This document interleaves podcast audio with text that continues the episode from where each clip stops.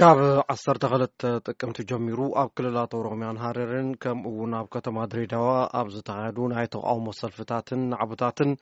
ሰብዓን ሸሞንተን ሰባት ከም ዝተቐትሉ መንግስቲ ኢትዮጵያ ኣፍሊጡ በቲ ውከትን ቅትለትን ዝተጠርጠሩ ልዕሊ ኣርባዕተ ሚእቲ ሰባት ኣብ ትሕቲ ቁፅፅር ከም ዝወዓሉ እውን ገሊፁ ኣሎ እስክንድር ፍሬው እዩ ልኢኹልና ገብረ ከቕርቦ እዩ ብመንግስቲ ዝተመደበሉ ሓለውቲ ክለዓሉ ከምዝኾኑን እናተኸበበ ከምዝኾነን ብምግላፅ ኣክቲቪስት ጀዋር መሓመድ ዘሕለፎ መልእኽቲ ስዒቡ ኣብ ዝተፈላለዩ ከተማታት ክልል ኦሮሚያ ዝተወለዐ ተቓውሞ ሰልፍታት ግጭትን መቕተልትን ኣውሪዱ እዩ። ኣብ ቤት ፅሕፈት ቀዳማይ ሚኒስትር ሓላፊት ዘፈር ወፃኢ ቋንቋታትን ዲጂታልን ብለኔ ስዩም ከምዝገለፆ ብዘሕዝን ኣገባብ ኣብ ክልላት ኦሮምያ ሃረርን ከተማ ድሪዳዋን ብዝተፈጥረ ህውከት ህይወት ሰብዓን ሸሞንተን ሰባት ምጥፍኡ ትርጉም ኣልቦ እዩ ኢለንኦ። እቲ ህውከትን ዝወረደ ጉድኣትን ፍጹም ተቐባልነት ዘይብሉ እዩ ኢለን።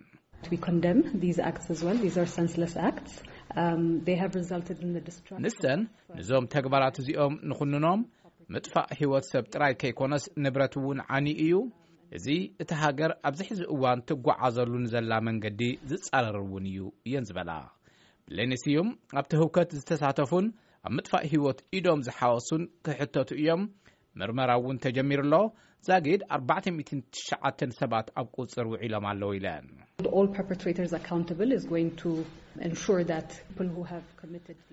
ፈጸምቲ ናይዚ ገበን ነቲ ገበን ዘባርዑን ተሓባበርቶምን ተሓተቲ ከም ዝኾኑ ርግጸኛታት ኩኑ እየን ዝበላ።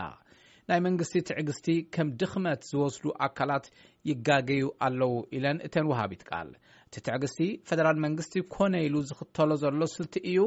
ምኽንያቱ ኢትዮጵያ ናብቲ ቅድሚ ሎሚ ዝነበረትሉ ክትምለስ ስለ ዘይንደሊ እዩ ኢለን ኣቐባሊት ቃል ለኔስዮ።